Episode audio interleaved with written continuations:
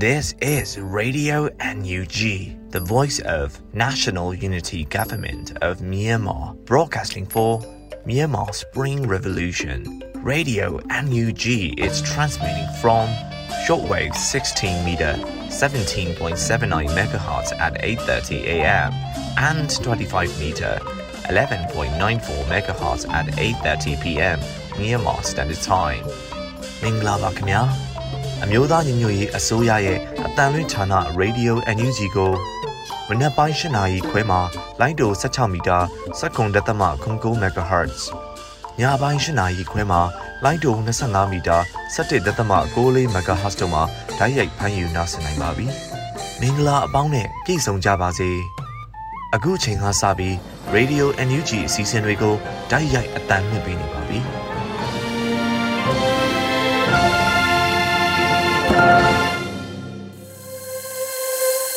မြန်မာနိုင်ငံလူနိုင်ငံသားအပေါင်းတဘာဝဘေးစစ်အာဏာရှင်မီးတို့ကနေကင်းဝေးပြီးကိုယ်စိတ်နှပါအေဂျင့်လုံခြုံကြပါစေလို့ရေဒီယိုအန်ယူဂျီဖွဲ့သူဖွဲ့သားများကနှုတ်ခွန်းဆက်တာအပါရရှင်။ခုချိန်ကစပြီးပြည်တွင်းသတင်းများကိုလူဦးမိုင်ကတင်ဆက်ပေးမှာဖြစ်ပါရှင်။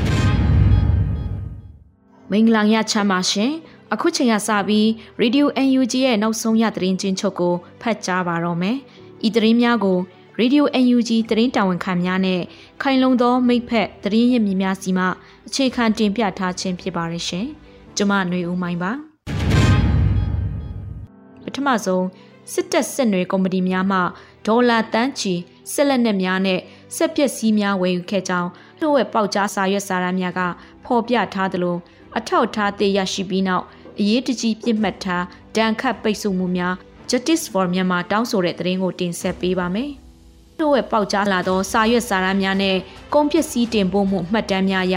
မြန်မာစစ်တပ်အတွက်အမေရိကန်ဒေါ်လာတန်ပေါင်းများစွာတန်ဖိုးရှိဆက်လက်နဲ့များနဲ့ဆက်ဘက်ပစ္စည်းဝယ်ယူမှုများစွာတွင် International Gateways Group of Companies Limited IGG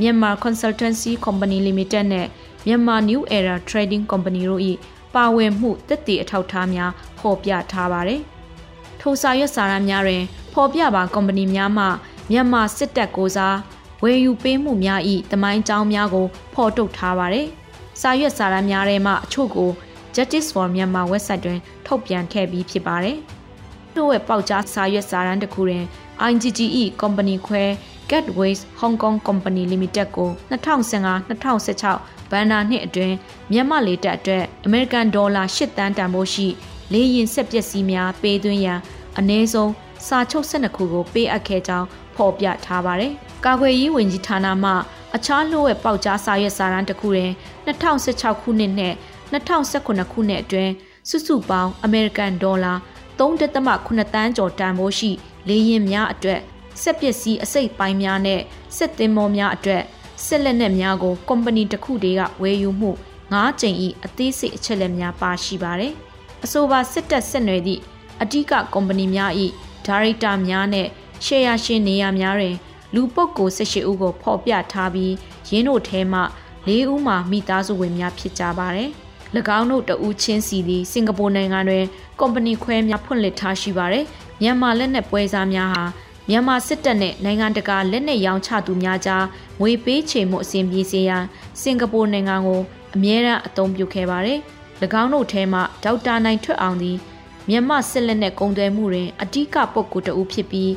ပျက်စီးပေးသွင်းသူများအထူးသဖြင့်တရုတ်နိုင်ငံရှိပျက်စီးပေးသွင်းသူများနဲ့မြန်မာလေတပ်မြန်မာရေတပ်တို့အကြားအကျိုးဆောင်ပေးသည်ဒေါက်တာနိုင်ထွတ်အောင်သည်လက်ရှိကာကွယ်ရေးဦးစီးချုပ်ရာဇဝတ်ကောင်ဗိုလ်ချုပ်မူကြီးမင်းအောင်လည်းအပါအဝင်ထိပ်ပိုင်းစစ်ခေါင်းဆောင်များနဲ့ဆက်နွယ်မှုရှိသည်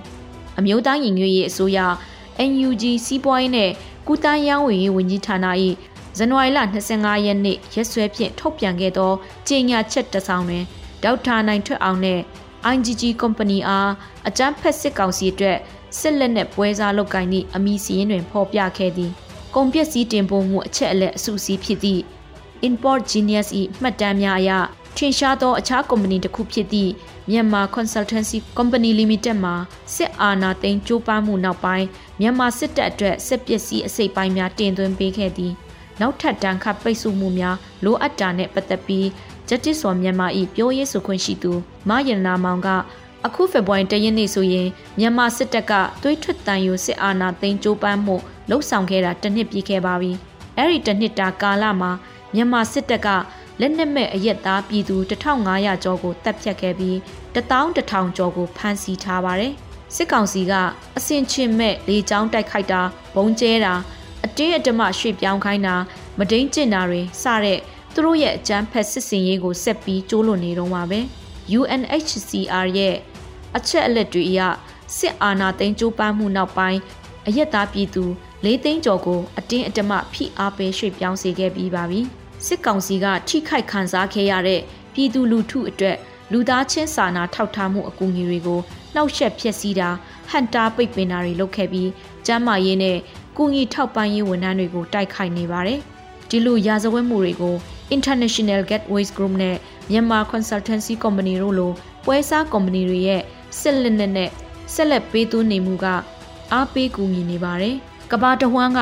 အစိုးရတွေအနေနဲ့မြန်မာစစ်တပ်ကိုဆက်လက်နဲ့ကူညီပေးနေပြီးမြန်မာပြည်သူတွေအပေါ်ဆက်လက်တိုက်ခိုက်မှုတွေမှာကြံရပါပတ်သက်နေတဲ့ကုမ္ပဏီတွေနဲ့လူပုဂ္ဂိုလ်တွေကိုပြစ်မှတ်ထားတန်ခတ်ပိတ်ဆို့မှုတွေအရေးတကြီးလှုပ်ဆောင်ဖို့ Justice for Myanmar ကတောင်းဆိုပါတယ်။ အကြမ်းဖက်စစ်ကောင်စီစီဆက်လက်နဲ့စီးဆင်းမှုတွေရပ်တန့်ဖို့ကဘာလုံးဆိုင်ရာဆက်လက်နဲ့ရောင်းချမှုပိတ်ပင်ရေးကိုချက်ချင်းလက်ငင်းလှုပ်ဆောင်ရမှာဖြစ်ပါတယ်။မြန်မာစစ်တပ်ရဲ့ရက်စက်ရုံမှမှုတွေမှာအားပေးအားမြောက်ဖို့အတွက်စင်ကာပူဟာနာမည်ကြီးလက်နက်ပွဲစားတွေကိုသူ့နိုင်ငံမှာအသုံးချခွင့်ပေးတာပါ။စင်ကာပူအနေနဲ့မြန်မာစစ်တပ်ဝယ်ယူမှုတွေအတွက်သူ့ရဲ့အခန်းကဏ္ဍကနေမဖြစ်မနေရပ်တန့်ပါလို့ဖော်ပြထားပါတယ်ရှင်။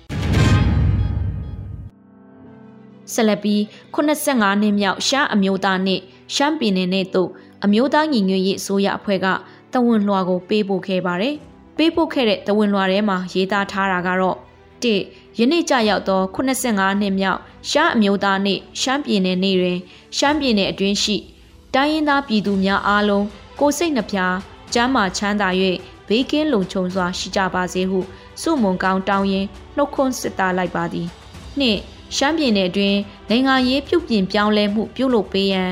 ရှမ်းပြည်နယ်လူထု၏တောင်းဆိုချက်အားဗြိတိရှအစိုးရကညှင်းပယ်လိုက်သည့်အတွက်1948ခုနှစ်ဖေဖော်ဝါရီလ9ရက်နေ့တွင်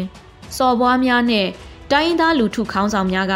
ဗြိတိရှအစိုးရကိုစန့်ကျင်လိုက်ကြသည်ထို့တုတ်ဆန့်ကျင်လိုက်မှုကြီးကြောင့်နောက်ထပ်ရက်အနည်းငယ်အကြာဖေဖော်ဝါရီလ12ရက်နေ့တွင်တမိုင်းဝင်ပင်လုံစာချုပ်ကိုလက်မှတ်ရေးထိုးနိုင်ရန်လမ်းပွင့်သွားစေခဲ့သည်၃ တမိုင်းဝင်ပင်လုံစာချုပ်ကိုလက်မှတ်ရေးထိုးခြင်းမပြုမီတရက်အလို1948ခုနှစ်ဖေဖော်ဝါရီလ17ရက်နေ့တွင်ကျင်းပသောပင်လုံညီလာခံအစည်းအဝေး၌စော်ဘွားများနှင့်လူထုကိုယ်စားလှယ်များစုံညီစွာတက်ရောက်ခဲ့ပြီးစိတ်တဘောတညီတညွတ်တီးဖြင့်ဖေဖော်ဝါရီလ9ရက်နေ့ကိုရှမ်းအမျိုးသားနှင့်ရှမ်းပြည်နယ်နေ့အဖြစ်သတ်မှတ်ကျင်းပရန်ဆုံးဖြတ်ခဲ့ကြသည်၄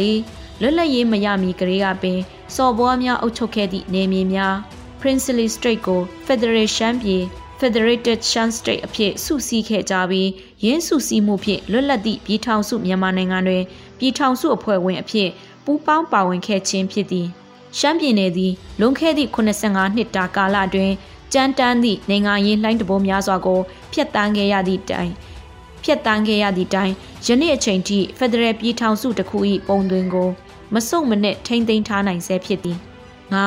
ယခုချိန်သည်စစ်အာဏာသိမ်းယူမှုကိုအကြမ်းမဖက်ဆန့်ကျင်ကြသည့်နိုင်ငံသူနိုင်ငံသားများစွာပေါ်အကြမ်းဖက်နှိမ်နင်းခြင်းရက်ဆက်စွာဖမ်းဆီးတပ်ဖြတ်ခြင်း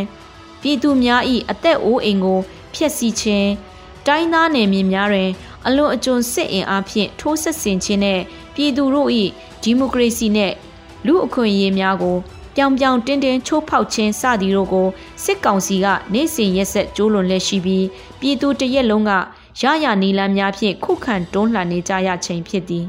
6ထိုကဲ့သို့သောအချိန်အခါတွင်ရှမ်းပြည်နယ်အတွင်းရှိနိုင်ငံရေးအင်အားစုများတိုင်းသားပြည်သူများအားလုံးသည်တစိတ်တဝမ်းတည်းဖြင့်စစ်အာဏာရှင်စနစ်အောက်မှာပြည်သူဘဝလွတ်မြောက်ရေးဒီမိုကရေစီနဲ့လူအခွင့်အရေးတန်းတူညီမျှရရှိရေးနဲ့ဖက်ဒရယ်ပြည်ထောင်စုတည်ဆောက်ရေးဟူသည့်နိုင်ငံရေးဥတီချက်များဖြင့်စစ်အာဏာရှင်စနစ်ဆန့်ကျင်ရေးပြည်သူဘဝလွတ်မြောက်ရေးအတွက် စုစည်းလက်တွဲဆောင်ရွက်ကြပါစို့ဟုတိုက်တွန်းဖိတ်ခေါ်ရင်းဤတဝန်လွှာကိုပေးပို့အပ်ပါသည်လို့ပေးပို့ထားပါတယ်ရှင်။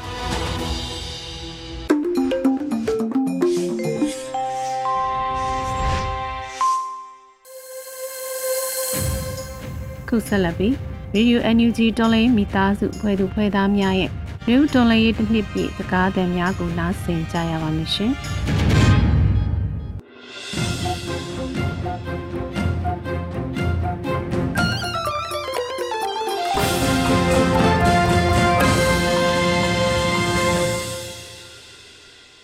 တော်လိုင်းရေးတနည်းပြည့် Radio NUG အဖွဲ့သားတွေရဲ့အမတ်တရစကားများအစီအစဉ်မှာ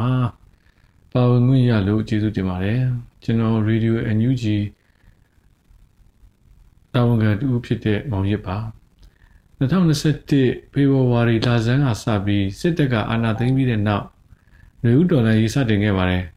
ဥဆောင်သူတွေကမျိုးဆက်သစ်တွေဖြစ်ပါတယ်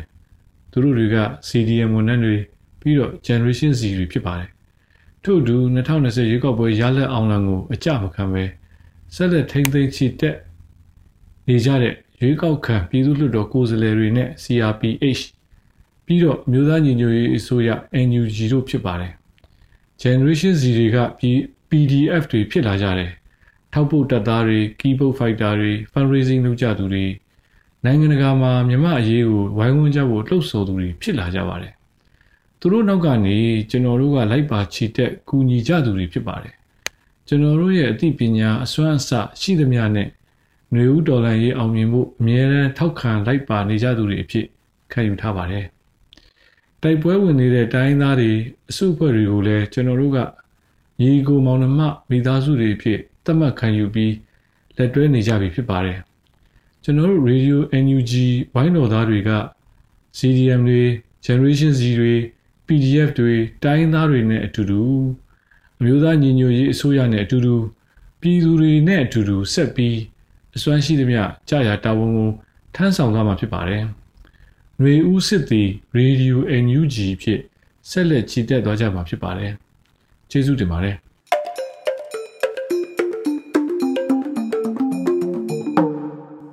2021ဖေဖော်ဝါရီလ1ရက်နေ့ကနေစပြီးတော့ဒီနေ့အထိကငါတို့ရဲ့ဗမာပြည်ကို ဖက်စစ်ဝါဒီတွေကမတရားအာဏာသိမ်းယူလိုက်မှမတရားအာဏာသိမ်းယူလိုက်ပါလားလို့ပဲမှတ်ယူထားမိတယ်။အဲ့ဒီဖက်စစ်ဝါဒီတွေကိုငါတို့တွေကပြန်လဲတွန်းလှန်တိုက်ခိုက်ရမယ်။ငါတို့ရဲ့မြေပေါ်မှာမကြံအောင်ပြန်လဲတွန်းလှန်တွန်းလှန်တိုက်ခိုက်ရမယ်ဆိုပြီးတော့တတိတ်တန်နေပဲအခုထိဒေါ်လာရင်းမှာပါဝင်နေရဖြစ်တယ်။အဲ့ဒီအတွက်ကြောင့်အဒီကောင်တွေကို တရားတဲ့အသင်းလို့ခုချိန်ထိလည်းမစင်စားထားနေဘူးတရားတဲ့အစိုးရဆိုပြီးတော့လည်းတရားဝင်အစိုးရဆိုပြီးတော့လည်းခုချိန်ထိအတိအမှတ်တစ်ခါမှမပြုဘူးသူတို့ဖောင်းသူတို့ဘာတွေပဲလုပ်နေပလေစေသူတို့တွေကိုလည်းဂရုလုံးဝမဆိုင်ဘူးသူတို့တွေကမတရားတဲ့အကြမ်းဖက်ဝါဒီတွေစစ်မိတ်စာကောင်းတွေဆိုပြီးတော့ပြင်လည်တွန်းလှန်တိုက်ခိုက်ရမယ့်အကောင့်တွေမြေပေါ်မှာမရှိရမယ့်အကောင့်တွေဆိုပြီးတော့ပဲစိတ်ထဲမှာသတ်မှတ်ထားပါတယ်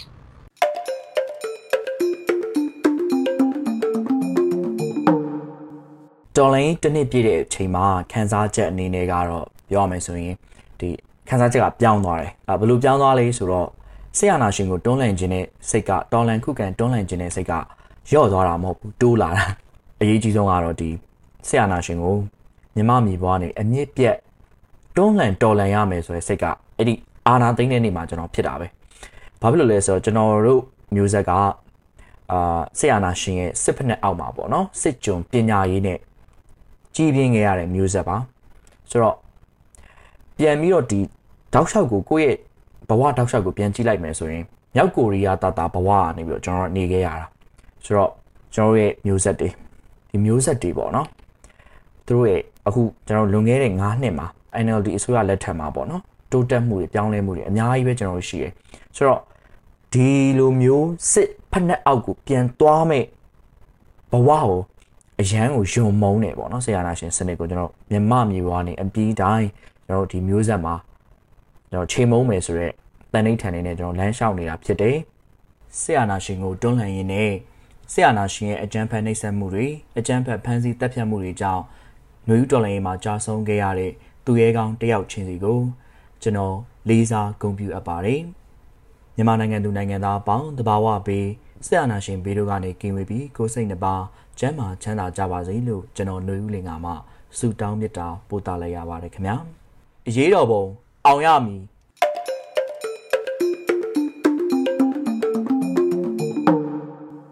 မင်္ဂလာပါရှင်ရေဒီယို NUG ကိုနားတော်တာဆင်နေကြတဲ့မိဘပြည်သူအပေါင်းကိုစိတ်နှဖျားစမ်းမချမ်းသာပြီးဘေးကင်းလုံခြုံကြပါစေလို့ဆုမကောင်းတောင်းလိုက်ရပါတယ်ရှင်ကျမကတော့နှွေဦးဟန်နီဖြစ်ပါတယ်။ Radio NUG အဖွဲ့သားတယောက်အနေနဲ့ နှွေဦးတော်လန်ရေးအတွက်တစိမ့်တဒေတာပါဝင်ခွင့်ရတာများစွာကုန်ယူဝမ်းမြောက်မိပါတယ်။ကျေးဇူးလည်းအထူးတင်မိပါတယ်ရှင်။စစ်တပ်ကအာဏာယူတွေကပြည်သူစီကနေအာဏာကိုမတရားလူယူသွားခဲ့တာပြီးခဲ့တဲ့ဖေဖော်ဝါရီလ၁ရက်နေ့ကဆိုရင်တစ်နှစ်ပြည့်သွားပြီပေါ့နော်။အခုချိန်ထိလဲစစ်တပ်ရဲ့လုပ်ရမှန်သမျှကိုဘယ်သူမှလက်သင့်မခံကြသေးတာအားလုံးရဲ့မျက်မြင်ကိုယ်တွေပဲမလားတနေ့ပြီးတနေ့ကုံသွားလီလီ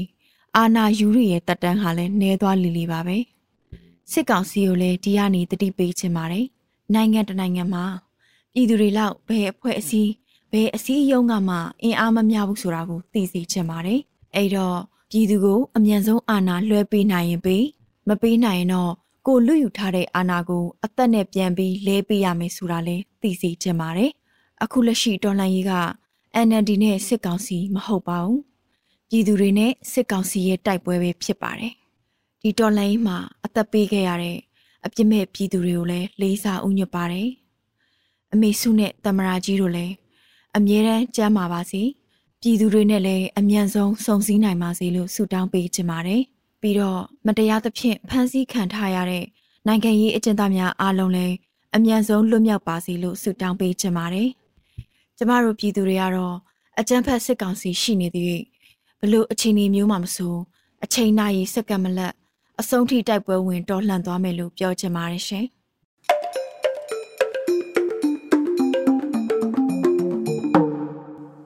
အားလုံးပဲမင်္ဂလာပါကျွန်တော်ကတော့ Radio NUG ရဲ့ Anchor ຫນွေဦးမောင်ဖြစ်ပါတယ်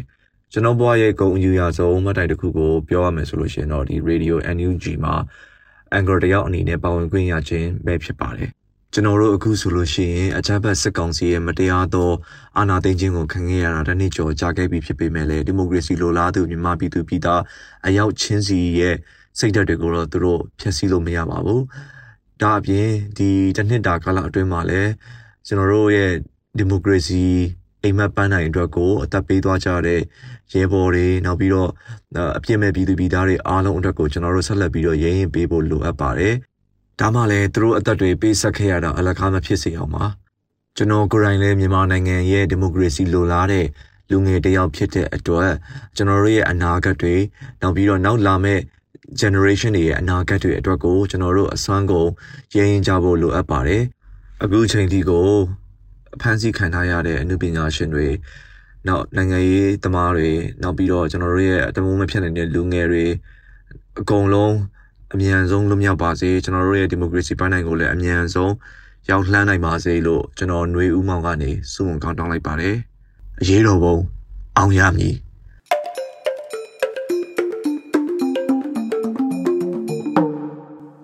ရေဒီယို NUG ကိုနားဆင်နေကြတဲ့သောတာရှင်တွေရောကျမတို့စစ်အာဏာရှင်ရဲ့ဖိနှိပ်ခံနေရတဲ့တိုင်းသားပြည်သူညီကောင်မောင်နှမတွေရောအားလုံးပဲဘေးကင်းကျန်းမာကြပါစေလို့ဆုတောင်းပေးချင်ပါတယ် ကျမကတော့ຫນွေဦးမောင်ပါခုဆိုကျမတို့တိုင်းပြည်ရဲ့အာဏာကိုစစ်အာဏာယူအုပ်စုကမတရားလူယူထားတာတစ်နှစ်ပြည့်သွားခဲ့ပြီပေါ့နော်ဆိုတော့သူတို့ဘလို့ပဲမတရားဖိနှိပ်ပြီးတော့အုပ်ချုပ်ဖို့ကြိုးစားပါစေကျမတို့ပြည်သူတွေကျမတို့ညီကောင်မောင်မတွေတိုင်းသားတွေအားလုံးကဘယ်နည်းနဲ့မှသူတို့ကိုအုပ်ချုပ်ခွင့်မပေးနိုင်ဘူးအုပ်ချုပ်လို့မရစေရဘူးဒီစနစ်ဆိုးကြီးလက်နဲ့အားကိုးနဲ့ အုပ်ချုပ်ခြင်းနဲ့သူတို့ကောင်းစားရေးကိုသာရှေးရှုတဲ့စစ်အာဏာရှင်ဆိုတဲ့စနစ်ဆိုးကြီးကျမတို့မြန်မာနိုင်ငံနေပြီးတော့လုံးဝပြီးဘယ်တော့ခါမှပြန်ပြီးတော့ပေါ်မလာအောင်မြစ်ပြတ်ဖို့အတွက်အဆုံးထိကျမတို့အားလုံးအတူတူတိုက်ပွဲဝင်ကြမယ်အရှိတော်ပုံအောင်ရမည်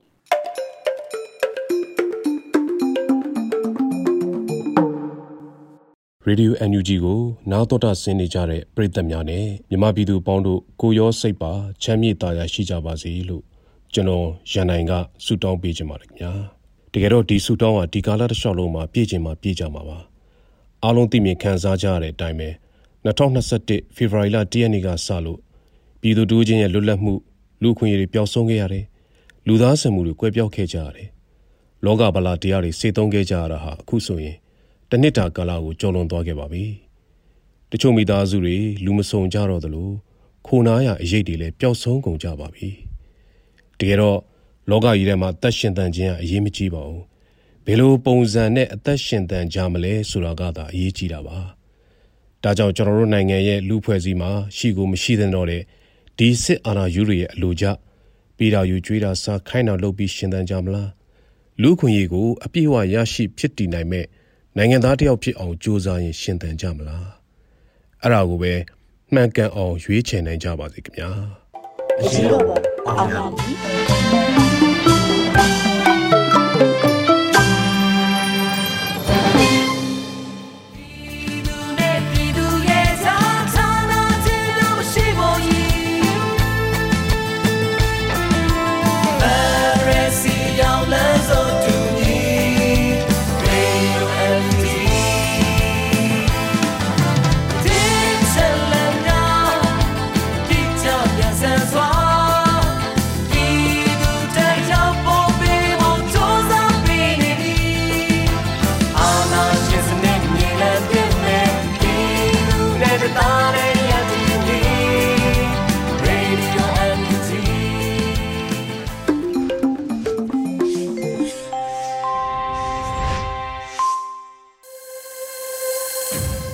ပြီရေဒီယို NUG မှအတန်းလွှင့်ပေးနေပါတယ်ရှင်။ခုဆက်လက်ပြီးပြည်ရင်းပြည်ပမိုးလေဝသပညာရှင်များရဲ့ဤပညာပံ့ပိုးမှုနဲ့မြို့သားညီညွတ်ရေးအစိုးရလူသားချင်းစာနာထောက်ထားရေးနှင့် BNN ဆိုင်ရာစီမံခန့်ခွဲရေးဝန်ကြီးဌာနကပတ်စဉ်ပုံမှန်ထုတ်ပြန်လျက်ရှိတဲ့ရက်သတ္တပတ်မိုးလေဝသခံမှန်းချက်များကိုရှမ်းနိုင်ကတင်ပြပေးမှာပဲဖြစ်ပါတယ်ရှင်။2022ခုနှစ်ဖေဖော်ဝါရီလ9ရက်နေ့မှ17ရက်နေ့အထိ မိုးလေဝသအခြေအနေများကိုကျွန်တော်ရန်နိုင်ကတင်ဆက်ပေးပါတော့မယ်။ယခုရက်သတ္တပတ်အတွင်းမြန်မာနိုင်ငံမြောက်ပိုင်းမှာဆောင်းရာသီရဲ့အေးအေးတက်ကိုဆက်လက်ခန်းစားရမှာဖြစ်ပြီးဆောင်းမိုးလည်းမရွာနိုင်သလောက်ရော့ကျသွားမယ့်အချိန်ဖြစ်ပါတယ်။ယခုတစ်ပတ်အတွက်မိုးဆက်ရွာလာနိုင်တဲ့ဒေသများကတော့မြန်မာနိုင်ငံအရှေ့ပိုင်းဒေသများနဲ့တင်နင်္သာရီတိုင်းတောင်ပိုင်းစွန်းဒေသများပဲဖြစ်ပါတယ်။လက်ရှိလာနီညာဖြစ်တန်စွမ်းဟာ 2022ခုနှစ်ဇန်နဝါရီဖေဖော်ဝါရီမတ်လများအတွက်100မှ81ရာခိုင်နှုန်းအတွင်းအမြင့်ဆုံးမှတဖြည်းဖြည်းပြန်ရောကြမယ်လို့ခန့်မှန်းထားပါတယ်။လာနီညာအကျိုးဆက်ဖြင့်2022ဇန်နဝါရီဖေဖော်ဝါရီမတ်လများမှာရန်ကုန်တိုင်း AR တိုင်းကရင်ပြည်နယ်မွန်ပြည်နယ်နဲ့တနင်္သာရီတိုင်းတို့မှာအချိန်ကာမဟုတ်မိုးများရွာသွန်းနိုင်ပါတယ်။ယခုရတဲ့ပတ်သတိပြုရန်မှာ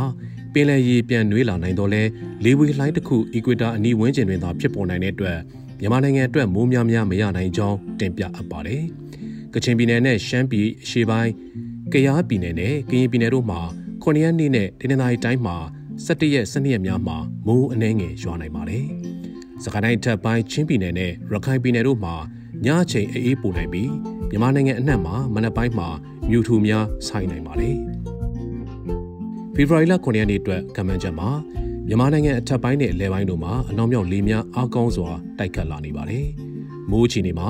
ကချင်ပြည်နယ်ရှမ်းပြည်နယ်ရှေ့ပိုင်းကယားပြည်နယ်နဲ့ကရင်ပြည်နယ်တို့မှာနေရာကွက်ကြားမိုးနှင်းငယ်ရွာနိုင်တာမှအပကြံတပြေလုံးမှာတာယာနိုင်ပါတယ်။မြန်မာနိုင်ငံအထက်ပိုင်းအလဲပိုင်းနဲ့ရခိုင်ပြည်နယ်တို့မှာညပူချိန်များရောကျလာနိုင်ပြီးချင်းပြည်နယ်မှာဆက်လက်အေးပိုနိုင်ပါတယ်။မကွေးတိုင်းမန္တလေးတိုင်းချင်းပြည်နယ်ပဲခူးတိုင်းကယားပြည်နယ်နဲ့ကရင်ပြည်နယ်တို့မှာ မနက်ပိုင်းမြူထူများကြာရောက်နိုင်ပါတယ်။မြမပင်လယ်ပြင်မှာရခိုင်နဲ့မြစ်ဝကျွန်းပေါ်ပင်လယ်ပြင်မှာအနောက်ဘက်မှလေဟာတနအီလ9မိုင်မှ10မိုင်အထိတိုက်ခတ်နိုင်ပြီးလှိုင်းအနှဲငယ်ရှိနိုင်ပါတယ်။မုဒ္ဓမာကွင်းနဲ့ဒင်းနေနာရီပင်လယ်ပြင်မှာအရှိလေများဟာတနအီလ9မိုင်မှ10မိုင်အထိတိုက်ခတ်နိုင်ပြီးလှိုင်းအနှဲငယ်ရှိနိုင်ပါတယ်။ဖေဖော်ဝါရီလ10ရက်နေ့အတွက်ခန့်မှန်းချက်ကတော့မြန်မာနိုင်ငံထပ်ပိုင်းနဲ့လယ်ပိုင်းတို့မှာအနောက်မြောက်လေများအားကောင်းစွာတိုက်ခတ်လာနေပြီး မြမကျွန်းပေါ်မှာအနောက်လေများတိုက်ခတ်လာနေပါတယ်။မိုးချီနေမှာတပြေလုံးမှာတာယာနိုင်ပါတယ်။မြန်မာနိုင်ငံထပ်ပိုင်းအလဲပိုင်းနဲ့ရခိုင်ပြည်နယ်တို့မှာညပူချိန်များရောကျလာနိုင်ပြီးအေးပိုနိုင်ပါတယ်။စကိုင်းတိုင်းကချင်ပြည်နယ်မကွေးတိုင်းမန္တလေးတိုင်းချင်းပြည်နယ်ပဲခူးတိုင်းကယားပြည်နယ်နဲ့ကရင်ပြည်နယ်တို့မှာမနက်ပိုင်းမြူထူများကျဆင်းနိုင်ပါတယ်။မြမပင်လယ်ပြင်မှာရခိုင်မြို့ဝကျွန်းပေါ်ပင်လယ်ပြင်နဲ့ မိုးရမကွေ့မှာအနောက်ဘက်မှလေဟာတနအီလ9မိုင်မှ10မိုင်အထိတိုက်ခတ်နိုင်ပြီးလှိုင်းအနှဲငယ်ရှိနိုင်ပါတယ်။တင်းနေပင်လယ်ပြင်မှာအရှိလေများဟာတနအီလ9မိုင်မှ10မိုင်အထိတိုက်ခတ်နိုင်ပြီးလှိုင်းအနှဲငယ်ရှိနိုင်ပါတယ်။ဖေဖော်ဝါရီလ9ရက်နေ့အတွက်ခံမှန်းချက်မှာမြန်မာနိုင်ငံအထက်ပိုင်းနဲ့အလဲပိုင်းတို့မှာအနောက်မြောက်လေများအားကောင်းစွာတိုက်ခတ်လာနေပြီးမြဝကျွန်းပေါ်မှာအရှိတောင်လေများတိုက်ခတ်လာနေပါတယ်။မိုးချီနေမှာတပြည်လုံးမှာတာယာနိုင်ပါတယ် မြန်မာနိုင်ငံအထက်ပိုင်းအလဲပိုင်းနဲ့ရခိုင်ပြည်နယ်တို့မှာညပူချိန်များရော့ကျလာနိုင်ပြီးဆက်လက်အေးနိုင်ပါတယ်။စကိုင်းတိုင်းကချင်ပြည်နယ်မကွေးတိုင်းမန္တလေးတိုင်းချင်းပြည်နယ်ပဲခူးတိုင်းကယားပြည်နယ်နဲ့ကရင်ပြည်နယ်တို့မှာမနက်ပိုင်းမြူထူများကျဆင်းနိုင်ပါတယ်။မြမပင်လယ်ပြင်မှာရခိုင်ကမ်းရိုးတန်းပင်လယ်တွင်အနောက်မြောက်ဘက်မှလေဟာတနင်္လာရီ9မိုင်မှ10မိုင်ထိတိုက်ခတ်နိုင်ပြီးလှိုင်းအနှဲငယ်ရှိနိုင်ပါတယ်။မြဝကျွန်းပေါ်ပင်လယ်ပြင်မုဒ္ဓမကွေ့နဲ့ဒင်းနေပင်လယ်ပြင်မှာ အရှိလီများဟာတနင်္လာရီ9မိုင်မှ10မိုင်ထိတိုက်ခတ်နိုင်ပြီးလှိုင်းအနှဲငယ်ရှိနိုင်ပါတယ်။ဖေဖော်ဝါရီလ10ရက်နေ့အတွက်ခန့်မှန်းချက်မှာမြန်မာနိုင်ငံအထက်ပိုင်းနဲ့လေပိုင်းတို့မှာအနောက်မြောက်လေများအားကောင်းစွာတိုက်ခတ်လာနေပါတယ်။မိုးချီနေမှာတပြေလုံးမှာတာယာနိုင်ပါတယ်။မြန်မာနိုင်ငံအထက်ပိုင်းအလဲပိုင်းနဲ့ရခိုင်ပြည်နယ်တို့မှာညပူချိန်များရောကျလာနိုင်ပြီးဆက်လက်အေးနိုင်ပါတယ်။ စကိုင်းတိုင်းကချင်ပြည်နယ်မကွေးတိုင်းမန္တလေးတိုင်းချင်းပြည်နယ်ပဲခူးတိုင်းကယားပြည်နယ်နဲ့ကရင်ပြည်နယ်တို့မှာမနက်ပိုင်းမြူထူများကျဆင်းနိုင်ပါတယ်။မြမပင်လယ်ပြင်မှာရခိုင်ကမ်းရိုးတန်းပင်လယ်တွင်အနောက်ပြောင်းဘက်မှလေဟာတနအီလ9မိုင်မှ10မိုင်ထိတိုက်ခတ်နိုင်ပြီးလှိုင်းအနှဲငယ်ရှိနိုင်ပါတယ်။မြဝကျွန်းပေါ်ပင်လယ်ပြင်မုဒ္ဓမကွင်းနဲ့တင်းတင်းသားပင်လယ်ပြင်မှာအရှိအရှိတောင်လေဟာတနအီလ9မိုင်မှ10မိုင်ထိတိုက်ခတ်နိုင်ပြီးလှိုင်းအနှဲငယ်ရှိနိုင်ပါတယ်။ ဖေဖော်ဝါရီလ17ရက်နေ့အတွက်ခန့်မှန်းချက်ကတော့မြန်မာနိုင်ငံအထက်ပိုင်းနဲ့လယ်ပိုင်းတို့မှာအနောက်မြောက်လေများအားကောင်းစွာတိုက်ခတ်လာနေပါတယ်။မိုးချီနေမှာတပြည်လုံးမှာတာယာနိုင်ပါတယ်။မြန်မာနိုင်ငံအထက်ပိုင်းအလယ်ပိုင်းနဲ့ရခိုင်ပြည်နယ်တို့မှာညပူချိန်များရော့ကျလာနိုင်ပြီးဆက်လက်အေးနိုင်ပါတယ်။စကိုင်းတိုင်းကချင်ပြည်နယ်မကွေးတိုင်းမန္တလေးတိုင်းချင်းပြည်နယ်ပဲခူးတိုင်းကယားပြည်နယ်နဲ့ကရင်ပြည်နယ်တို့မှာမနက်ပိုင်းမြူထူများကြာဆင်းနိုင်ပါတယ်။မြမပင်လယ်ပြင်မှာ ရခိုင်ကမ်းရိုးတန်းနဲ့မြဝကျွန်းပေါ်ပင်လယ်တို့မှာမြောက်ဘက်မှလေဟာတနင်္လာရီ9မိုင်မှ10မိုင်ထိတိုက်ခတ်နိုင်ပြီးလှိုင်းအနှဲငယ်ရှိနိုင်ပါတယ်။မိုးဒမခွေနဲ့တင်းနေသားပင်လယ်ပြင်မှာအရှိအရှိတောင်လေများဟာတနင်္လာရီ9မိုင်မှ10မိုင်ထိတိုက်ခတ်နိုင်ပြီးလှိုင်းအနှဲငယ်ရှိနိုင်ပါတယ်။ဖေဖော်ဝါရီလ12ရက်နေ့အတွက်ခန့်မှန်းချက်မှာမြန်မာနိုင်ငံအထက်ပိုင်းနဲ့လယ်ပိုင်းတို့မှာမြောက်အနောက်မြောက်ဘက်မှလေများဟာအားကောင်းစွာတိုက်ခတ်လာနေပါတယ်။ မိုးချီနေမှာတနင်္လာရီတိုင်းတောင်ပိုင်းစွန်းမှာမိုးနှင်းငယ်ရွာနိုင်တာမှအပတပြည်လုံးမှာတာယာနိုင်ပါတယ်။မြန်မာနိုင်ငံအထက်ပိုင်းအလယ်ပိုင်းနဲ့ရခိုင်ပြည်နယ်တို့မှာညပူချိန်များရော့ကျလာနိုင်ပြီးဆက်လက်အေးနိုင်ပါတယ်။စကိုင်းတိုင်းကချင်ပြည်နယ်မကွေးတိုင်းမန္တလေးတိုင်းချင်းပြည်နယ်ပဲခူးတိုင်းကယားပြည်နယ်နဲ့ကရင်ပြည်နယ်တို့မှာမနက်ပိုင်းမြူထူများကျဆင်းနိုင်ပါတယ်။မြမပင်လယ်ပြင်မှာရခိုင်ကမ်းရိုးတန်းနဲ့မြဝကျွန်းပေါ်ပင်လယ်တို့မှာမြောက်ဘက်မှလေဟာ တနင်္လာရီ9မိုင်မှ10မိုင်ထိတိုက်ခတ်နိုင်ပြီးလှိုင်းအနှဲငယ်ရှိနိုင်ပါတယ်။မုဒ္ဓမကွေးနဲ့တင်းနေသားပင်လယ်ပြင်မှာအရှိအရှိမြောက်ဘက်မှလေများဟာတနင်္လာရီ9မိုင်မှ10မိုင်ထိတိုက်ခတ်နိုင်ပြီးလှိုင်းအနှဲငယ်ရှိနိုင်ပါတယ်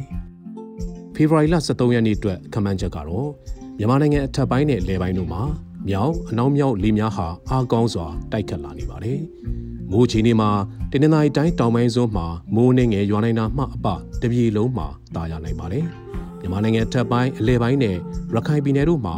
ညပူချိန်များရော့ကျလာနိုင်ပြီးဆက်လက်အေးနိုင်ပါတယ်။စကိုင်းတိုင်းကချင်ပြည်နယ်မကွေးတိုင်းမန္တလေးတိုင်းချင်းပြည်နယ်ပဲခူးတိုင်းကယားပြည်နယ်နဲ့ကရင်ပြည်နယ်တို့မှာမနက်ပိုင်းမြူထူများကျဆင်းနိုင်ပါတယ်။မြမပင်လယ်ပြင်မှာရခိုင်ကမ်းရိုးတန်းနဲ့မြဝကျွန်းပေါ်ပင်လယ်တို့မှာမြောက်ဘက်မှလေဟာတနင်္လာရီ9မိုင်မှ10မိုင်ထိတက်ခတ်နိုင်ပြီးလှိုင်းအနှဲငယ်ရှိနိုင်ပါတယ်။ မိုးဒမကွင်းနဲ့တင်းနေသားပင်လယ်ပြင်မှာအရှိအရှိမြောက်လေများဟာတနင်္လာရီ9မိုင်မှ10မိုင်ထိတိုက်ခတ်နိုင်ပြီးလှိုင်းအနှဲငယ်ရှိနိုင်ပါတယ်ခင်ဗျာ။